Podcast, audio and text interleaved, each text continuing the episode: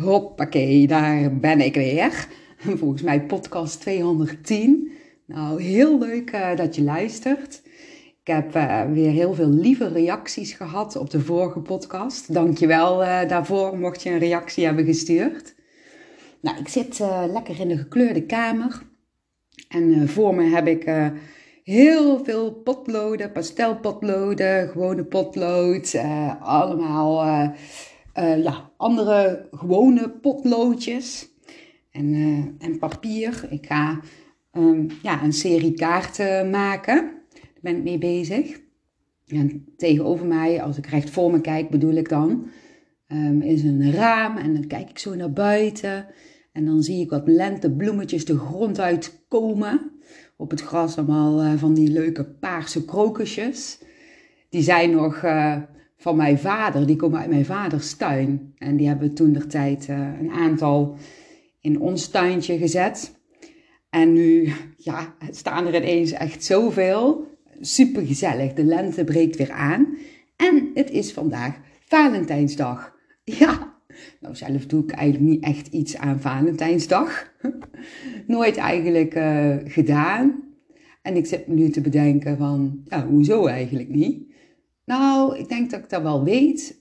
Ik weet niet of ik het ooit in een podcast heb verteld. Denk het niet hoor. Maar uh, heel, heel lang geleden, toen ik een jaar of uh, ja, 15 of zo was. Toen uh, was er een jongen die was hartstikke verliefd op mij. Maar ik niet op hem. Ik, ik voelde gewoon echt een niet fijne energie bij hem. En ja, hij werd een soort van stalker, zo zou je het kunnen zeggen. En um, toen het Valentijnsdag was, toen had hij, uh, terwijl ik aan had gegeven, heel duidelijk, dat ik verder helemaal niks met hem wilde, had hij een hele grote bos met rozen gestuurd naar uh, ons huis. Ik woonde toen nog thuis. Nou, en dat vond ik echt zo ontzettend irritant. En en toen um, zei mijn moeder, die zei van, oh wat lief dat hij dat heeft gedaan. En ja, die bloemen die kan je echt niet weggooien. Ik ga een mooie vaas pakken en ik zet die bloemen gewoon hier in huis. Nou, en ik had echt iets van, dat wil ik helemaal niet. Ik wil dat die bloemen, ja, uh, ja nu dat ze die wegflikkert. maar nee, ze moesten in huis. En daarom heb ik misschien een beetje een... Uh, niet leuke uh, ja, kijk op Valentijnsdag of zo. Ik weet het niet of dat dat daar vandaan komt. Maar nou ja, bij ons is het gewoon elke dag Valentijnsdag. Dat is ook niet waar trouwens, maar zo voelt het merendeel wel. Maar um, ik hoop uh, dat, dat als jij wel aan Valentijnsdag doet of je een hele leuke stille aanbidder hebt, dat je ja, er iets van hoort en dat je in ieder geval een hele gezellige dag hebt. Maar dat wens ik je eigenlijk altijd. Nou, waar ik het eigenlijk over wil hebben is een droom die iemand droomde uh, uit het groepje van de jaartraining. Zoals sommigen misschien weten, um, ja, geef ik ook een jaartraining. Nou, nog een paar maandjes en dan is uh, het jaar alweer voorbij. En uh, ja, er zijn in de jaartraining zijn uh, zeven ladies. ik heb geen mannen deze keer. Daar sta ik wel voor open trouwens hoor. Maar het zijn allemaal vrouwen. En ja, het is dus een klein groepje. En wat doen we in heel dat jaar? Nou ja, eigenlijk zijn we bezig met intuïtief invoelen zodat uh, als hun iets voor zichzelf willen beginnen, en sommigen zijn al begonnen voor zichzelf, uh, dat ze ja, eigenlijk heel goed leren om in te voelen op de energie van de ander en ook overleden personen. En dat ze natuurlijk ook uh, leren om goed bij hun eigen energie te blijven. Nou, en we hebben het over van alles en nog wat. Hè? De ene keer gaat het over het punthoofd en het goed planhoofd. De andere keer gaat het weer over overleden mensen. Dan gaat het weer over triggers. Dan gaat het weer over, um, ja, noem maar op. ja, over, um, ik moet eventjes nadenken, want het is eigenlijk zoveel. ja, over dromen en hoe je, in, uh, hoe je zeg maar, de energie kunt vertalen, wat de kleurenbetekenis is, um, ja, over andere tijdlijnen. Nou ja, van alles en nog wat. En um, ja, wat ik vooral heel belangrijk vind is, ja, hoe kun je dus goed invoelen op de energie? En uh, ik had laatst, had ik, uh, dat is alweer even geleden, een, uh, um, ik kom even niet uit mijn woorden, sorry hoor. Maar een hele tekst gemaakt. Ja, tekst, dat was het. waar, waar ik niet op kwam. Met allemaal ja, tips hoe je ja, kunt invoelen. Misschien is dat wel leuk om een keertje ja, te delen in een podcast. zit ik nu even aan te denken. Maar um, ja, waarom ik nu deze podcast maak? Nou, een van de uh, ja, dames uh, had een droom. En ik had gevraagd aan haar of dat ik de droom mocht delen in, uh, in de podcast. En um, we hebben dus een, groepsapp en zij had die droom dus verteld. En ik mocht haar droom ook delen in de podcast. Dus ik lees hem heel eventjes voor. Nou, ze schrijft: Ik droomde over onze groep bij Sandra. Het was een gekke tijd, het leek wel een soort oorlog. We moesten allemaal dood, dus we hadden als groep besloten om samen te gaan. Dat klinkt allemaal wel heftig, of niet dan? maar er zit heel veel symboliek in en daar ga ik uh, zo nog vertellen. Maar ik ga even verder, want het is nog niet klaar. Uh, ik was steeds een beetje bang dat we op de brandstapel moesten of zo. Levend in vlammen opgaan. Ik vond het echt verschrikkelijk. Maar San, daar bedoelt ze dan mij mee, echt super lief, had een liefdevolle manier gevonden. We gingen een soort ceremonie doen bij een kampvuur. En dan zouden we een pilletje krijgen waardoor we rustig zouden inslapen. ik, moest daar wel om lachen, uh, om die zin. Ik zie het al voor me dat ik ze een pilletje ga geven. Nou, dat zou ik normaal niet doen, maar het was de droom, hè. Um, dus, dus ze schreef van um, een soort van ceremonie doen bij een kampvuur en zouden een pilletje krijgen waardoor we rustig zouden inslapen en dan samen de oversteek maken naar het hiernamaals. Het leek uh, een soort rij of tocht of zo waar we in zaten tot we aan de beurt waren. Maar dan niet vervelend. Meer zoals in een pretpark om in een attractie te gaan. Een droom wordt wel steeds leuker, hè? Ik beleefde elk moment super bewust, omdat alles de laatste keer was voor we weer naar huis zouden gaan. Uiteindelijk was ik eerder wakker dan dat de ceremonie begon, uh, uh, toen we aan de beurt waren. Nou, dat was dus de droom. Nou, is ontzettend symbolisch. Nou, uh, onze groep van de jaartraining is voor mijn gevoel heel erg hecht. En um, wordt eigenlijk, of is eigenlijk steeds hechter geworden. En het zou heel goed kunnen dat we in een vorig leven ook wel um, ja, met elkaar verbonden waren. En dat we ja, een soort van band hebben. Dat weet ik natuurlijk ook niet zeker, maar zo voelt het ergens wel. En aan de reacties van de andere dames um, ja, las ik ook wel een soort vanzelfde iets. Um, nou, op de zin van we moesten allemaal dood, um, die staat helemaal uh, symbolisch voor mij voor een nieuw begin. Vaak is het zo als je droomt over de dood dat dat symbool staat voor een nieuw begin. En ik voel heel sterk, zeg maar, uh, ja, dat, uh, dat ieder, zeg maar, zo ineens op, in hun eigen tempo dan aan het groeien is geweest. Hè, en nog steeds aan het groeien is qua bewustwording. Um, dat eigenlijk het, het oude leven, zo noem ik het maar eventjes, um, ja, heel, heel anders is als het nieuwe waar ze nu in gaan staan. En dat is wel heel erg mooi om te zien. En um, ja, ik, ik voel dat, dat deze droom ja, zo'n soort symbolische betekenis heeft.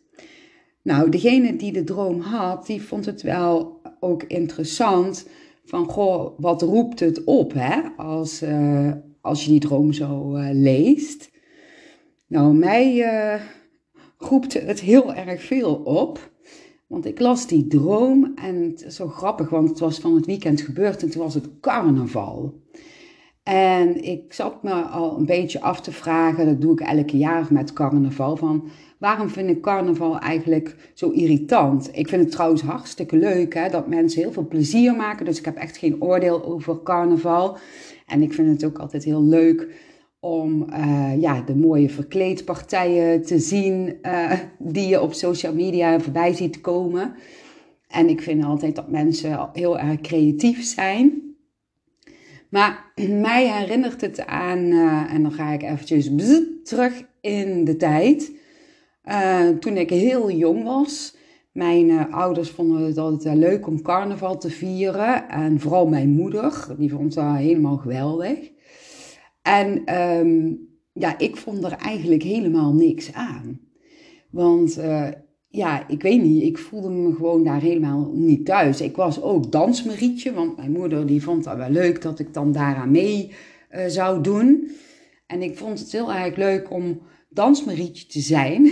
ja, omdat ik heel lenig was en ja, uh, ik was de jongste van heel het clubje. En uh, ja, ik kon, uh, omdat ik onder turnen zat, kon ik dus ja, hele mooie bewegingen maken. Zeg maar een ratslag zonder handen en dan oppakee in de split. Wat niemand eigenlijk uh, kon. Dus ik deed uh, het heel erg op mijn eigen unieke manier. En dat vond iedereen ook helemaal geweldig en leuk. Totdat zeg maar het optreden af was gelopen. En daarna moesten we heel lang wachten, een paar uur, tussen alle ja, dronken mensen en feestende mensen als heel klein meisje. Ik was toen een jaar of zes, zeven. En dat vond ik echt zo niet leuk. Ik voelde me zo verloren en zo alleen. De meiden uit de groep waren ook een stuk ouder. En uh, de eigenaar van, van, uh, van het café waar we waren, die was heel ernstig ziek. Die zou bijna doodgaan. En die zat daar op een stoel tussen die zatte mensen. En die was ook allemaal zo ja, aan het kijken zo van, wat is dit eigenlijk allemaal? Het leek wel alsof dat hij het eerst altijd heel leuk had gevonden. En nu hij ja, bijna naar het hiernamaals ging, dat hij zoiets had van, wat is dit eigenlijk? Ja, eigenlijk eenzelfde gevoel als wat ik had. Een soort van verwarring of zo. Maar goed, toen de tijd was ik me natuurlijk totaal niet bewust van dit alles.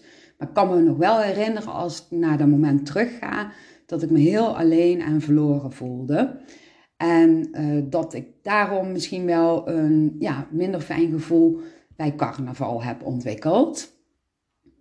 Um, wat me wel blij maakte was dat, uh, want ik moest van ons mam gewoon meedoen met de optocht, want dat vond ze hartstikke leuk. En ja, zij probeerde mij een beetje te stimuleren om mee te doen, onder een lichte dwang. En dan kwam ze met allemaal uh, ja, uh, dingen aan van, oh je kan je verkleden als dit of verkleden als dat. En dat vond ik allemaal helemaal niet leuk. Ik wilde maar één ding en dat was, rarara, heks zijn. Als ik heks mocht zijn, dan wilde ik meedoen, uh, aan, wel meedoen aan de optocht. En uh, dat vond ik dan zo leuk om me eigen te verkleden als heks. En heel vaak heb ik de eerste prijs gewonnen als heks. En dan was ik gewoon verkleed als een, als een heksje en liep ik daar in die optocht mee. En toen voelde ik me eigen helemaal thuis. Alsof ik terugging in de tijd waarbij ik vast en zeker ook meerdere keren in vorige levens heks ben geweest. Ja, en uh, ik ben ook ze zeker meerdere keren op de brandstapel geweest. Um, en uh, terechtgesteld in een kerker geflikkerd en zware mishandelingen gehad. Maar toch uh, de vrijheid van het heks zijn en met kruidenwerk en de natuur. Ja, daar werd ik als kind al heel erg blij van, van dat gevoel. En ja, het herinnert me uh, nu, hè, of eigenlijk al best wel lang, um, aan vorige levens. En toen ik dus de droom las, toen kreeg ik meteen ja, dat gevoel. Dat gevoel van, ja, uh, kleine meisje, die het moeilijk vond om ja, bij een groep te zijn uh, waarbij je voelde dat het niet helemaal gelijk gestemd was. En ehm, ook het gevoel, zeg maar, van hek zijn. En ik kreeg um, een soort van, ja, déjà vu flashbacks of hoe je het ook wil noemen, van vorige levens. Dat ik um, ja, dus als een soort van kruidenvrouwtje heb geleefd, meerdere keren. Hè? Maar ik kreeg verschillende leventjes te zien, zeg maar, waarbij ook ja, ceremonies waren en um, ja, waarbij ook ja, een aantal soort van, ja, ik noem het maar heksen bij elkaar waren die um, ja, gelijkgestemde waren.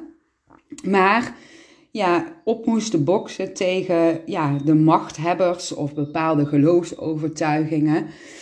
En als we dan uh, één waren met onszelf, waren we zo sterk. Maar als we niet één waren, niet in verbinding waren en de macht uh, probeerde ons over te nemen, ja, dat was natuurlijk een stuk moeilijker. Maar op een of andere manier heb ik dus het gevoel, en daar, ja, dan ik, ga ik ook weer eventjes terug naar de droom.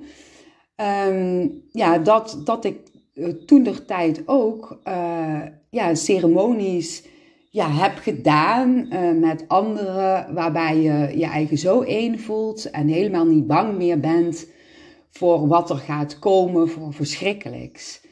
En dat is al een heel bijzonder gevoel. Het is net zo'n bijzonder gevoel voor mij als de bijna doodervaring. Alsof je dan al bij die energie uh, kunt komen.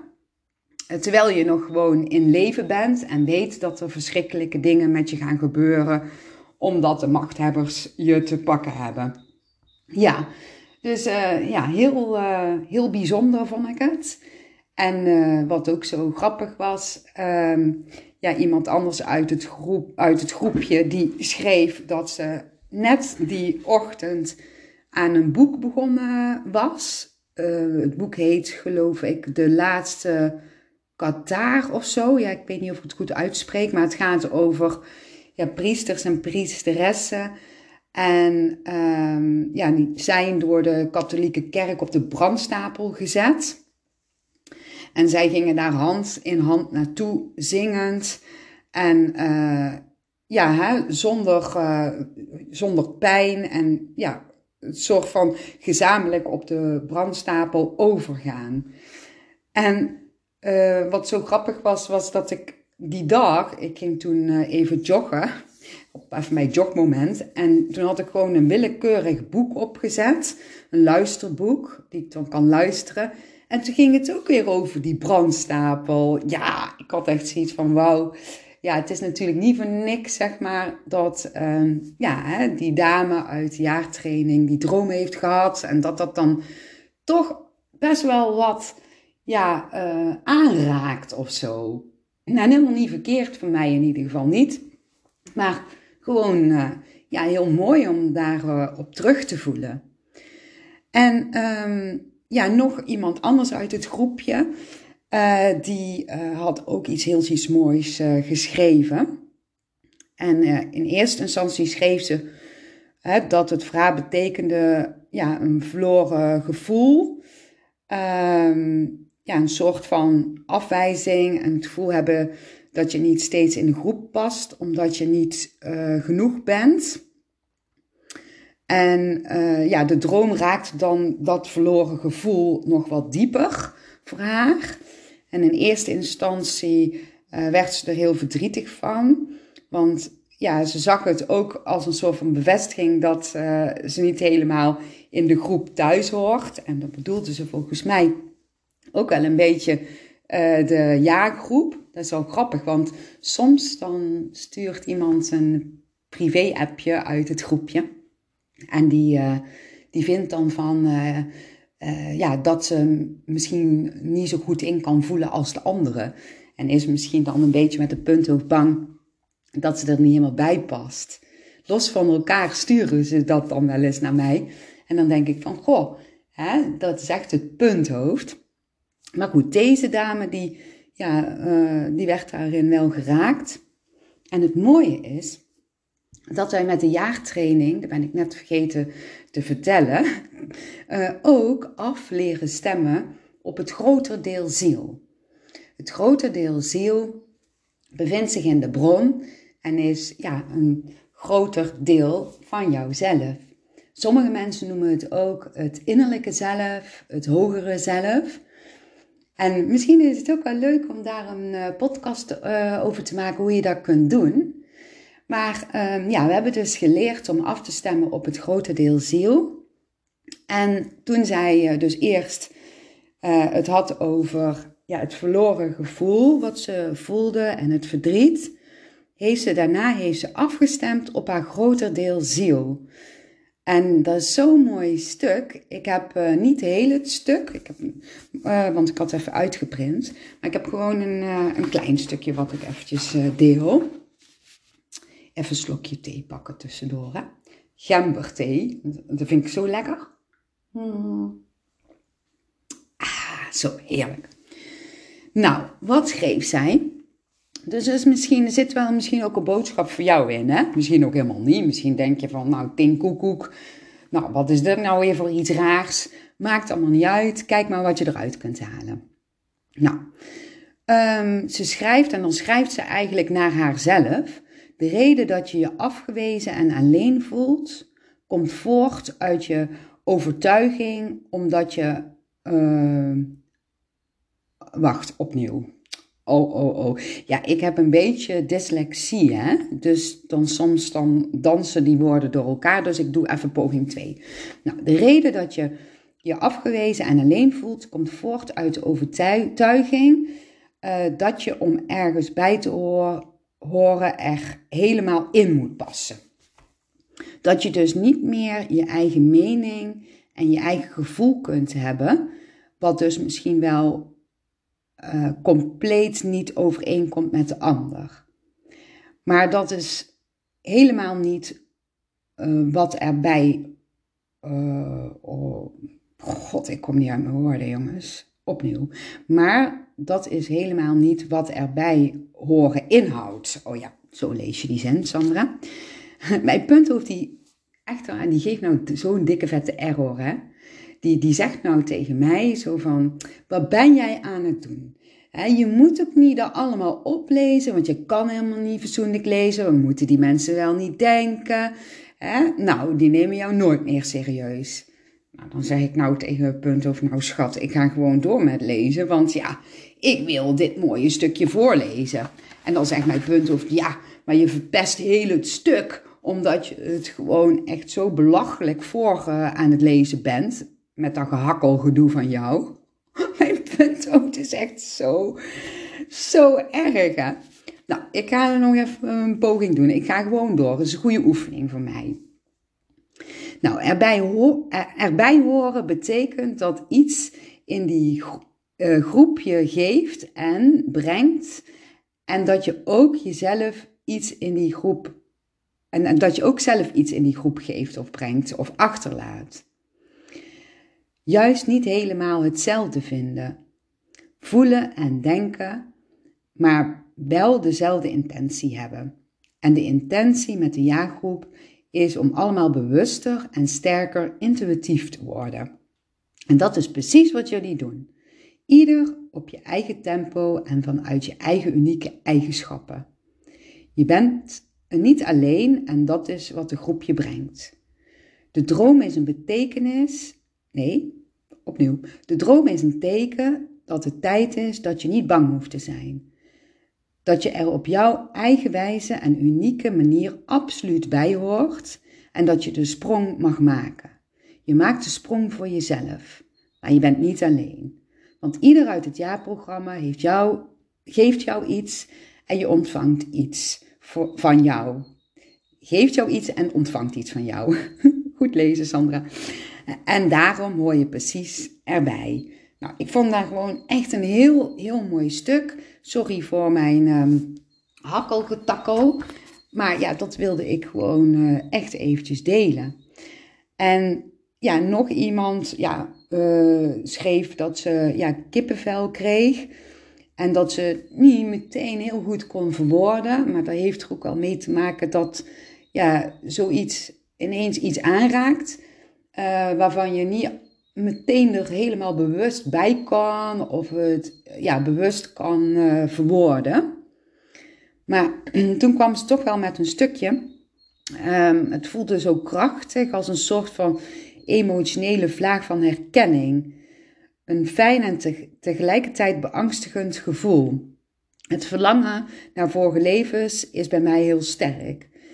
Ik blijf uh, daar soms erg in hangen en verlang daar echt naar terug. Het afstemmen op mijn grote deel ziel geeft me prachtige inzichten, maar zorgt er ook voor dat het verlangen soms groeit. Nou ja, het verlangen, zeg maar, is het verlangen naar haarzelf. Het verlangen naar ja, wie ze werkelijk is. En ik kan me ook wel voorstellen dat dat ook soms een beetje beangstigend kan zijn voor een punthoofd dan omdat die zich toch wil vasthouden aan ja, hoe zij is gevormd. Hè? En daarmee bedoel ik wat je meekrijgt uh, vanuit de invloed van buitenaf. En uh, wat je ja, mee hebt gemaakt, bijvoorbeeld qua trauma. Hoeft niet altijd trauma te zijn, maar ja, hè, het leven ja, en de invloed van buitenaf eh, heeft jou ja, gevormd tot een bepaalde persoonlijkheid. Maar is dat wie je werkelijk bent? En um, ja, zij komt er nu achter dat, ja, dat ze meer tot haar ware kern komt. En dat vindt ze ja, hartstikke mooi, maar ook natuurlijk ja, spannend. Ze schrijft ook van het loslaten is moeilijk. En uh, dat ervaart ze dus ook bij de droom. Uh, ja, en dan schrijft ze dat gevoel dat uh, ik kreeg bij het lezen, um, is het verlangen uh, terug naar daar. Dus dat is eigenlijk het verlangen naar haar grotendeel ziel. Maar je kunt, als je hier op de aarde bent, gewoon contact maken met je grotendeel ziel. En um, ja, zolang je leeft, ben je ook in contact. Maar ik bedoel dan bewust contact. Maar ik denk dat ik er echt een keer een podcast over ga maken. Want uh, ik denk dat je dat ook heel erg leuk uh, vindt of dingen uit kunt halen. Um, even kijken hoor. Oh ja, ze schreef nog iets meer.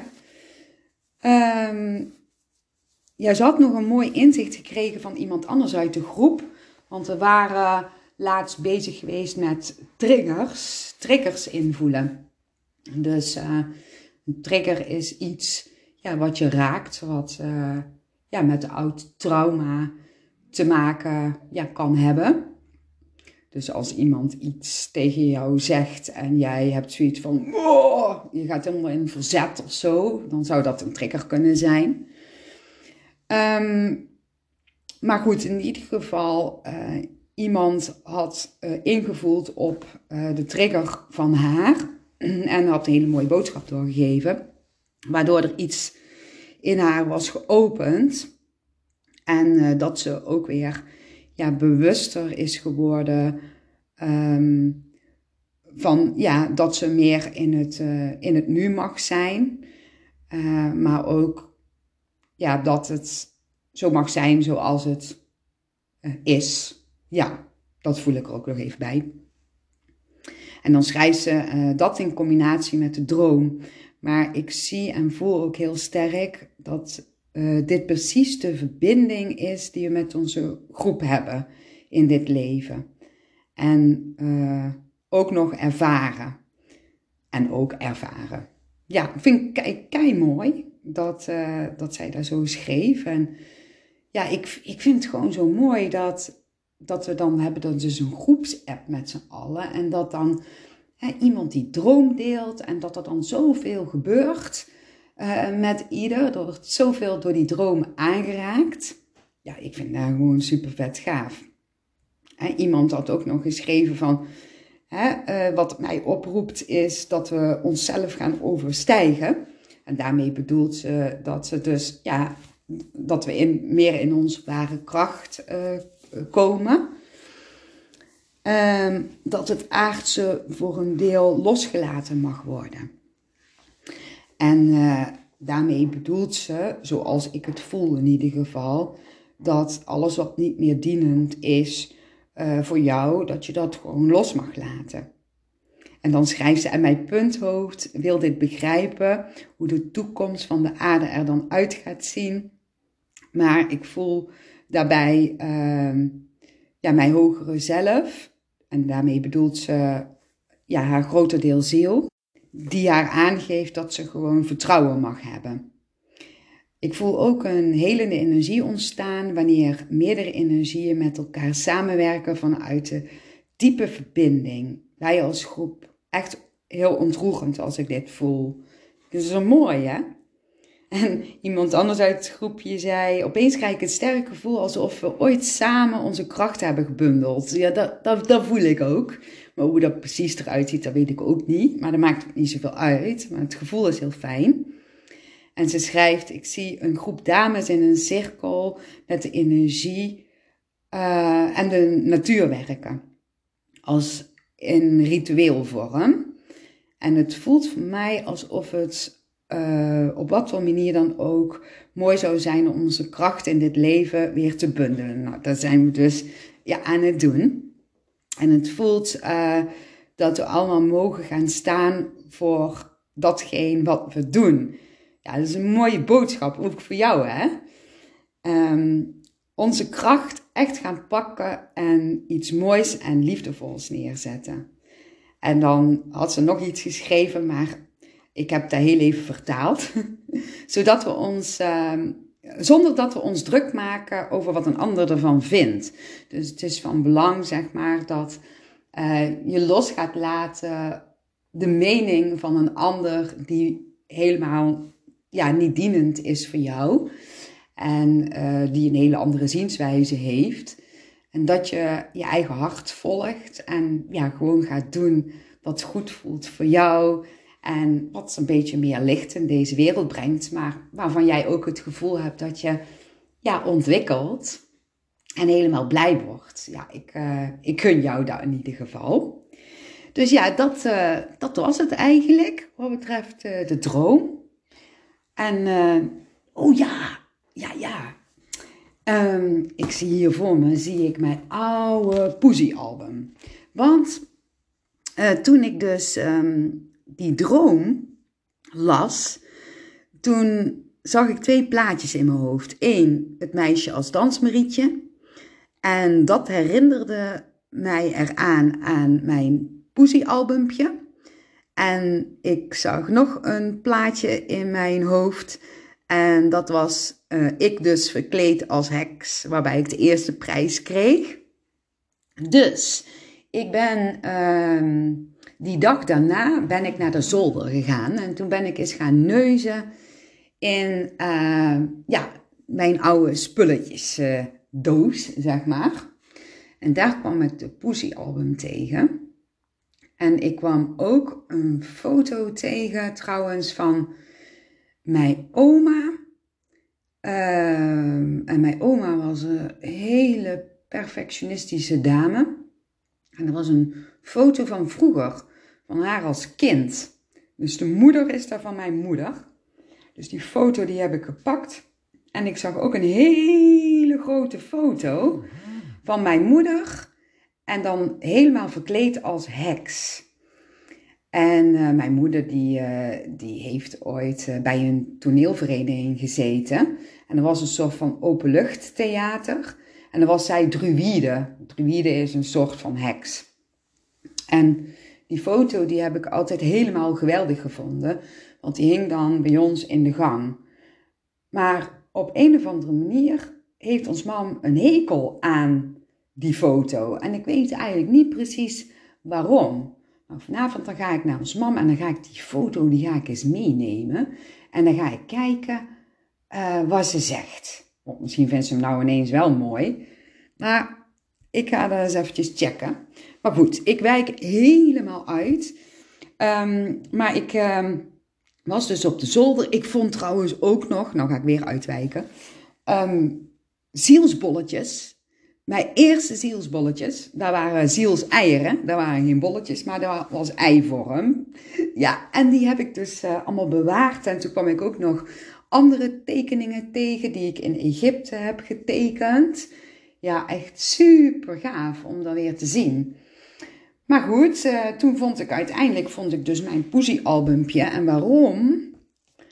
Uh, wilde ik die heel graag. Omdat ik, ik ben hem openslaan, wist dat mijn vader een heel, heel lief en puur gedichtje in mijn Poesie-album heeft geschreven. Want de meeste mensen in de Poesie-album, die hebben dan van die bestaande gedichtjes. Maar hij had gewoon zelf een gedichtje gemaakt.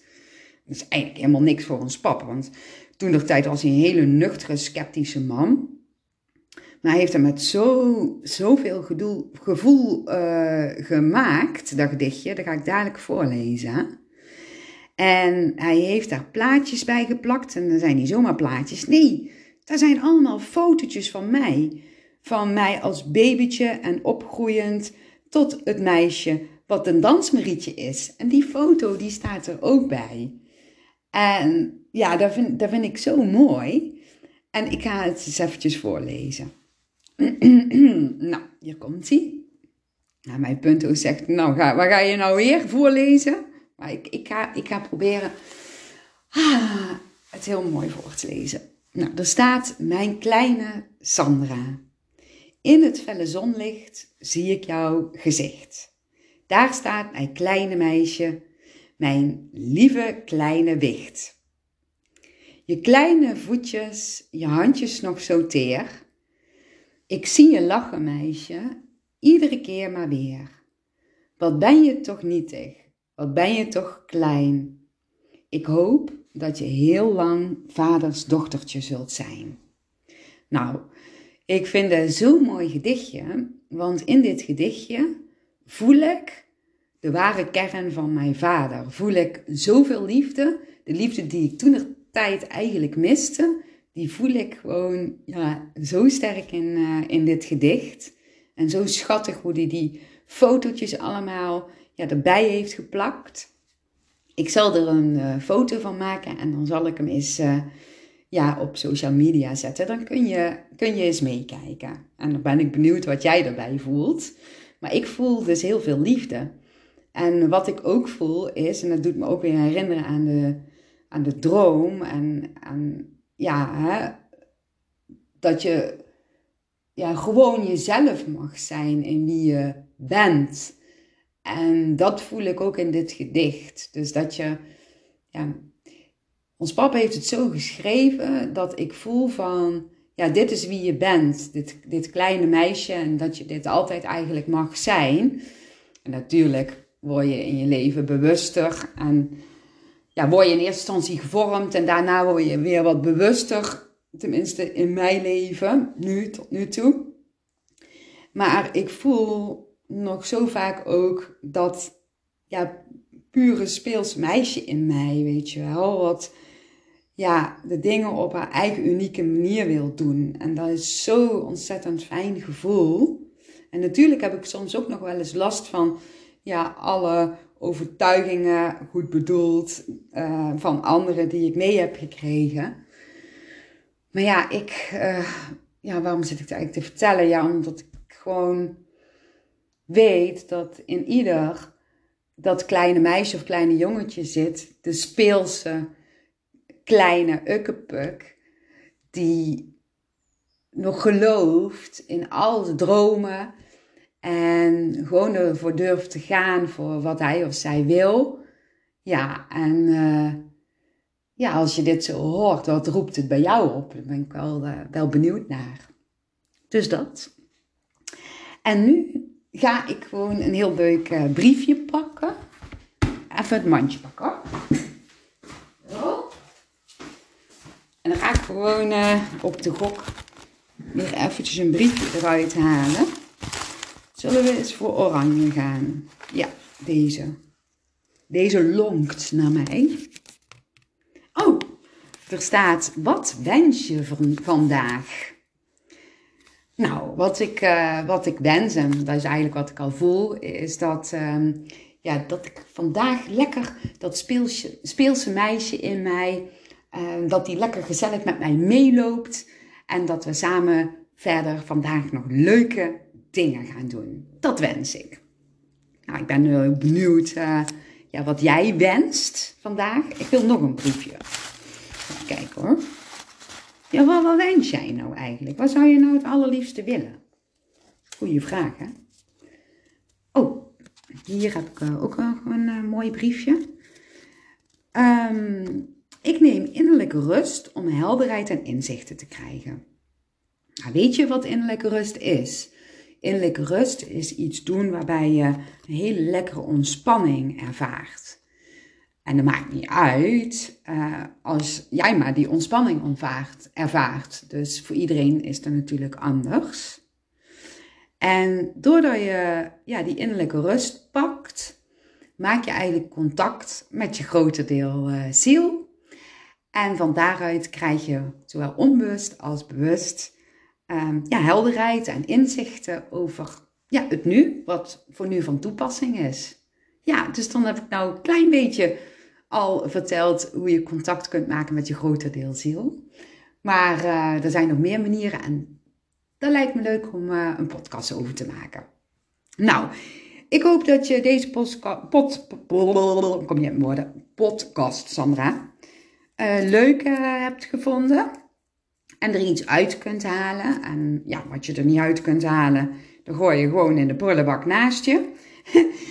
en uh, ja, blijf lekker bij jezelf. En uh, ik zou zeggen, geniet van uh, dat wat je nu aan het doen bent en verder nog gaat doen. Heel veel liefs!